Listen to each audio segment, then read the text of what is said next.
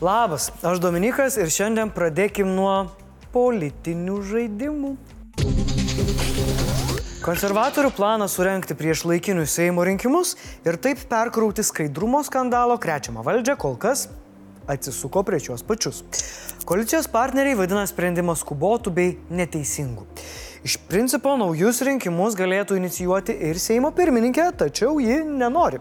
Aš nepritariu šiai e, iniciatyvai, todėl nesuprantu, kodėl turėčiau burti frakcijas e, ir burti palaikymą jai. Liberalai taip stipriai nepritarė atsileidimui iš darbo anksčiau laiko, kad Gentvilas net viešą laišką parašė Gabrieliui, o vėliau išsisakė. Aš iš tikrųjų esu įsiutęs, kai šitai pažeidžiamas nekaltumo prezumpcijos principas. Jis griežtai nepritarė kolektyvinės atsakomybės užmetimui visiems Seimo nariams. Gentvilas jaučiasi nusivylęs, kad Landsbergis ir konservatoriai tokį sprendimą priima nepasitarę. Kam tada ta koalicija? Nepaisant, Landsbergis nusiteikęs ryštingai. Neturi Landsbergis gauti 85 balsų. Čia turi Seimas apsispręsti, ar jo paties, kaip Seimo, kaip institucijos skaidrumo standartai atitinka keliamus vyriausybei. Nes jei standartai skirtingi, logiška, kad reikia ieškoti naujos vyriausybės. Taigi jis registruos nutarimą, o tada balsuos. O jei vyriausybė sugrius, Gabrielius Landsbergis sako, kad naujojo ministrų kabineto formavimas bus prezidento Gitano Nausėdos rankose. Norint įgyvendinti savo žaidimą, Gabrieliui pritarantis balsiukai labai praverstų. Todėl jis vis dėlto per pietus susikvietė visų frakcijų vadovus. Opozicinės partijos susitikimą boikotavo, o balsų tikrai reikės. Skvernelio vedama partija vardan Lietuvos idėjai nepritarė. Man atrodo, kad toks yra bandymas e, sukurti dramą ten, kur jos kurti nereikia. Pasak Skvernelio, pirmą reikia spręsti vyriausybės reikalą. Beje, panašiai galvoja ir laisviečiai. Absoliutus prioritetas pirmiausia reikia išspręsti tų kanceliarinių išlaidų klausimą kuo greičiau vyriausybė gali persikrauti, na jeigu visos kitos priemonės yra neįmanomos, tada pirmalaikiai rinkimai. O ir socdemui anksčiau sakė, kad rems rinkimus, dabar jau sako, kad, ai, nu žinot, pamastėm, paskaičiavom ir manom, kad, nu, nepais šitą varkę. Aišku, dar kyla klausimas dėl socdemų nuoširdumo. Ar jie iš tikrųjų palaikė idėją, nes norėjo skaidresnio parlamento, O gal jiems naudinga perkrauti Seimą, nes tada bus mažiau klausimų dėl Jonavos mero Sinkevičiaus. Blinkevičiūtė devagojasi, kad jo išlaidose esantys du televizoriai, keturių skirtingų telefonų sąskaitų apmokėjimas ir kelios kūro kortelės yra tiesiog klaida. Blinkievičiūtė gali savo bebriuką ginti, bet konservatoriaus Viliaus Semeškos tai neįtikina. Jis sako, kad Lietuvos savivaldybių asociacijos vadovas turi trauktis iš pareigų, o Šimonytė nekreipia dėmesio į raginimus vyriausybei pasitikrinti pasitikėjimą Seime.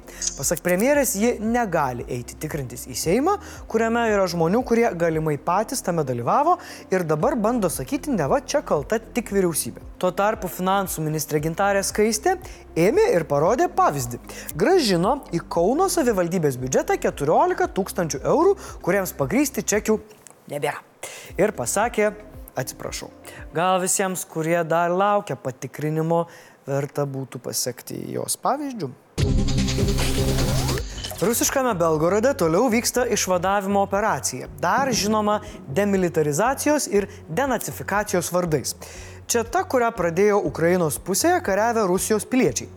Ta proga šiąnakt buvo smogta Belgorodo FSB pastatui. Rusijos savanorių korpuso ir Rusijos laisvės legiono dalinių drąsų žygis į pasienyje esantį miestą sukėlė paniką, susiskaldimą ir nenuoseklumą Rusijos informacinėje erdvėje. Propagandistai nežino, ką sakyti. Vieni šiuos tikrai geruosius rusus vadino išdavikais, kiti sako, kad čia tiesiog Ukraina bando nukreipti dėmesį nuo Bahmuto praradimo. Kad ir ką sakytų propagandistai, Belgorodo gubernatorius Viečeslavas Glatkovas sako, kad Graivorono miestelio, kurį užėmė proukrainietiški rusų kariai, gyventojams grįžti į savo namus dar anksti. O tai reiškia, kovos Rusijos teritorijoje tęsis. JAV karinių oro pajėgų sekretorius Frankas Kendalas pareiškė, kad prireiks kelių mėnesių, kol naikintuvai F-16 bus atgabenti į Ukrainą. Matot, jei anksčiau būtumėt priemę sprendimą, tai tie naikintuvai jau dabar gintų šalį nuo rusiškų raketų ir bombų. O geras Ukrainos draugas, buvęs Junktinės karalystės premjeras Borisas Johnsonas, įgėlė Prancūzijos prezidentui. Netiesioginė to žodžio prasme, Borisas nors dirba daug, nėra bitė, bet dalyvaudamas privačiuose pietuose, Johnsonas prisiminė Makrono pasakymą, kad Putinas neturėtų patirti pažeminimo ir pasakė, jog ne mūsų darbas yra rūpintis Putino ego. Kas tikrai yra mūsų darbas, tai rūpintis, kad Putinas kartu su savo pakalikais atsidurtų teisiamųjų suolę, o po to ir kilpoje. Šiandien į paskutinę kelionę buvo palydėta buvusi šalies pirmoji ponia Alma Adamkienė. Į prezidentūros rūmus atsisveikinti su Alma rinkosi Vilniečiai, kitų miestų žmonės, ambasadoriai, signatarai, politikai bei mokslininkai. Paskutinėmis minutėmis Valdui Adamkui atsisveikinant su ponia Alma šalia jo buvo ir prezidentas Gitanas Nausėda su Diana. Po vidurdienio karstas buvo iškilmingai nuvežtas į arkikatedrą, kur prasidėjo kardinolo Audrio Juozo Bačkio aukojimo šventos mišios. Jis tarė užuojauto žodžius Adamkui ir kvietė dėkoti Dievui už vaisingą ponios Almos gyvenimą. Nuo pat prezidentūros iki katedros aikštės išilgai gatvės išsirikiavę žmonės atsisveikino su buvusią pirmąją šalies ponę. O apie Almą toliau skambėjo gražūs atsiliepimai. Adamkienė tai buvo ikona. Tai buvo pavyzdys visom moterims. Jie švietė tokią šviesą, kokius tikėtis vargu bau galime rytoj. Buvusi prezidentūros darbuotoja sakė, kad Alma į prezidentūrą atnešė vakarietiškų vėjų ir laužė sovietinio gyvenimo stereotipus. Atsisveikinti su buvusia pirmąją ponę atėjęs dizaineris Jozas Tatkevičius vos tramdė ašaras. Alma jis vadino ikona. Nausėda sakė, kad Lietuva atsisveikina su nepaprasto ryškumo asmenybė, kokios ilgą laiką Lietuvoje nebuvo ir dar turbūt ilgai nebus. Pasak jo, kad ir ko imdavosi Alma, visur aplinkui tarsi dikumos gėlės po lietaus kilo ir skleidėsi Lietuvo žmonių dvasia. Prezidentas susigaudino sakydamas, jog jį jam primena mamą. Laidotuvės vyko 16 val. Kaune Petrašiūnų kapinėse, kuri paskutinę kelionę Alma išlydėjo arkivyskupas Kestutis Kievalas ir kunigas Richardas Dovika. Kaunas pasirinktas neatsitiktinai, tai valdo Adamkaus gimtinė.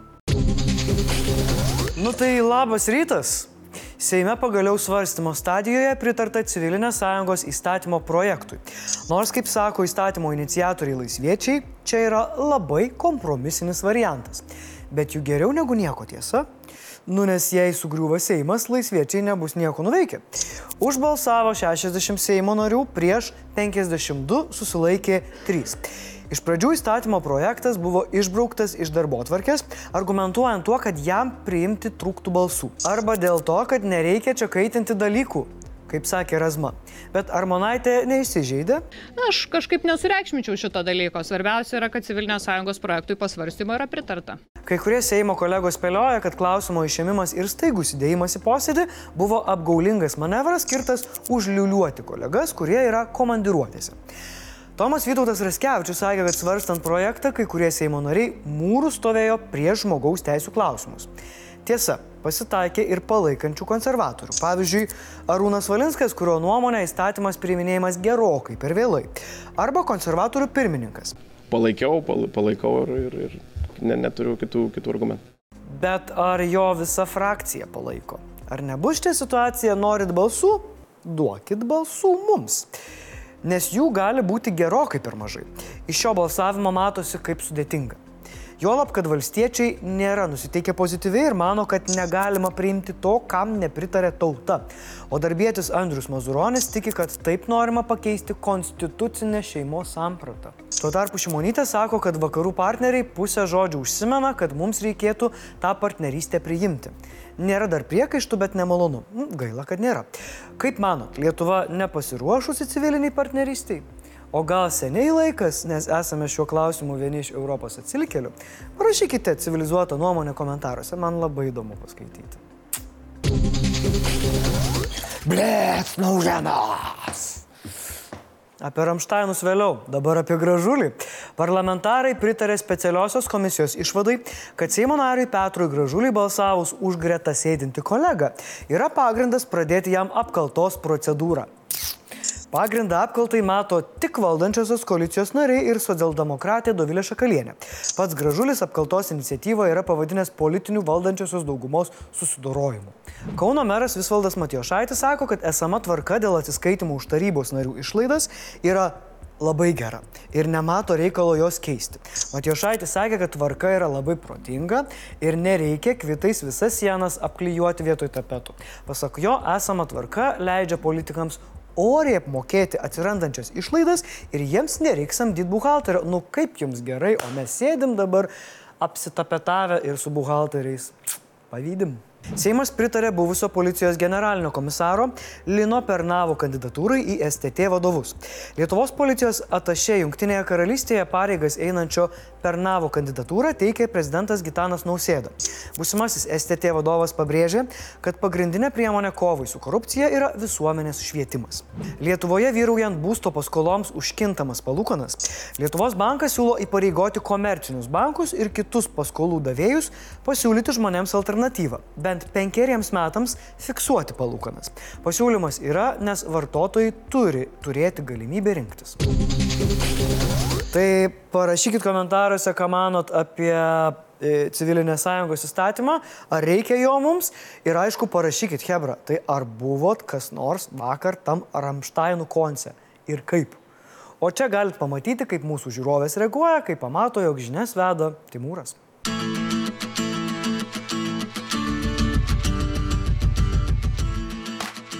Komentarų metas. Vakar sulaukėme jūsų komentarų apie neteisėtai nukirstą šimtametį ažuolą. Tai apžvelkim. Gabrielius, greičiausiai ne Landsbergis, siūlo akis už akį metodą. Tai yra, jei žmonės medį nukirto, nukirsti reikia žmonės. E, Gabrieliau, jei dėl medžio baudžiakas yra ant klaustuko, tai tavo pasakymė jau čia yra su šauktukais.